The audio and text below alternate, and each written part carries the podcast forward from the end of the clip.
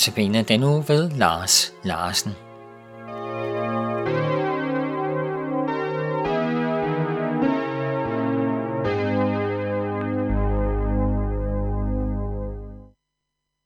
I den kommende uge er det Lars Larsen, som holder notabeneandagterne. Og jeg, Henning Gorte, har Lars her i studiet, og benytter anledningen til at præsentere Lars. Og velkommen, Lars. Tak skal du have.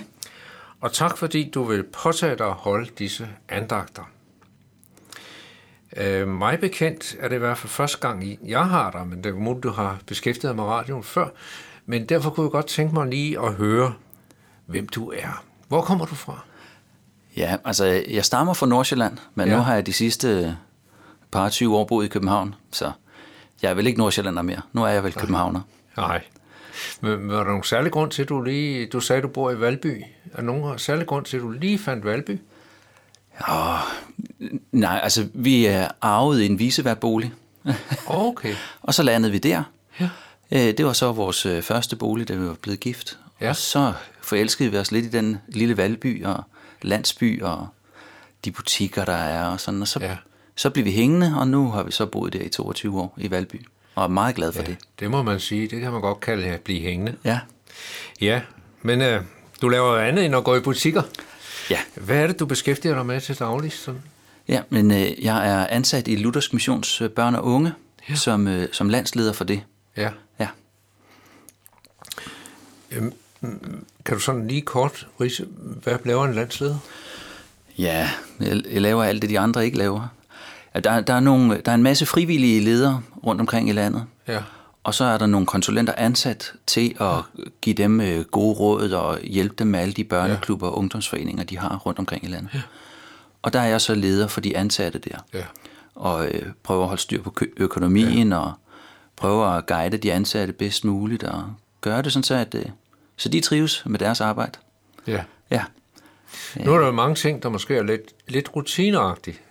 Men indimellem er der så nogle oplevelser, du særligt husker?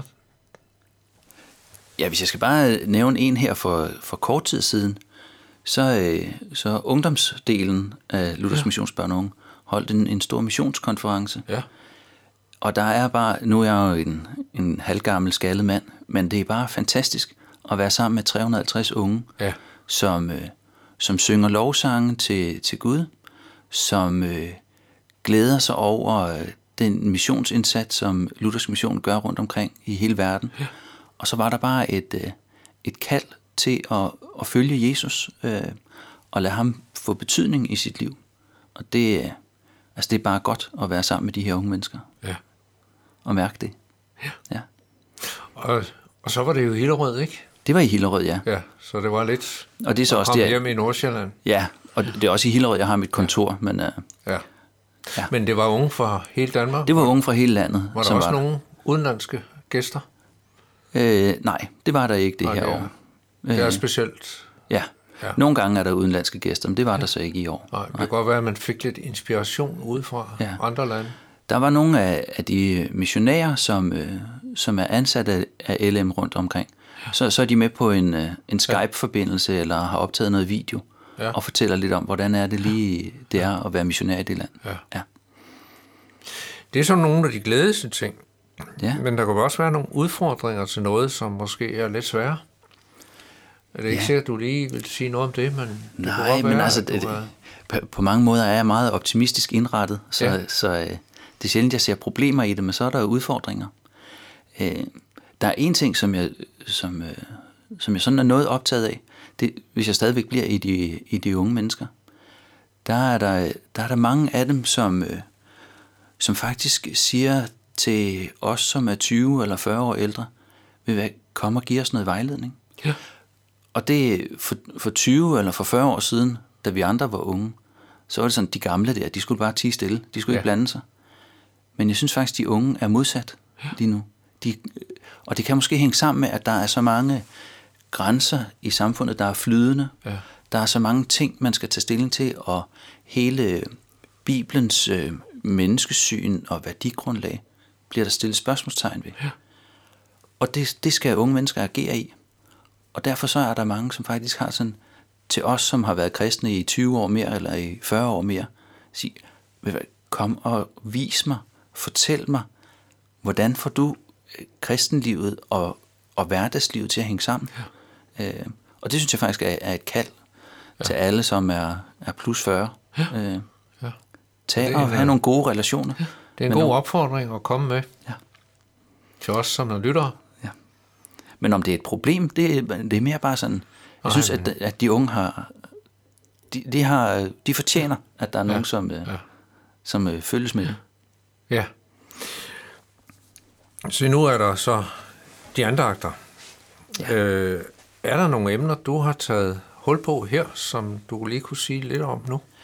Jamen, altså jeg har, har valgt, at alle seks andagter har overskriften, jeg venter på Jesus. Ja.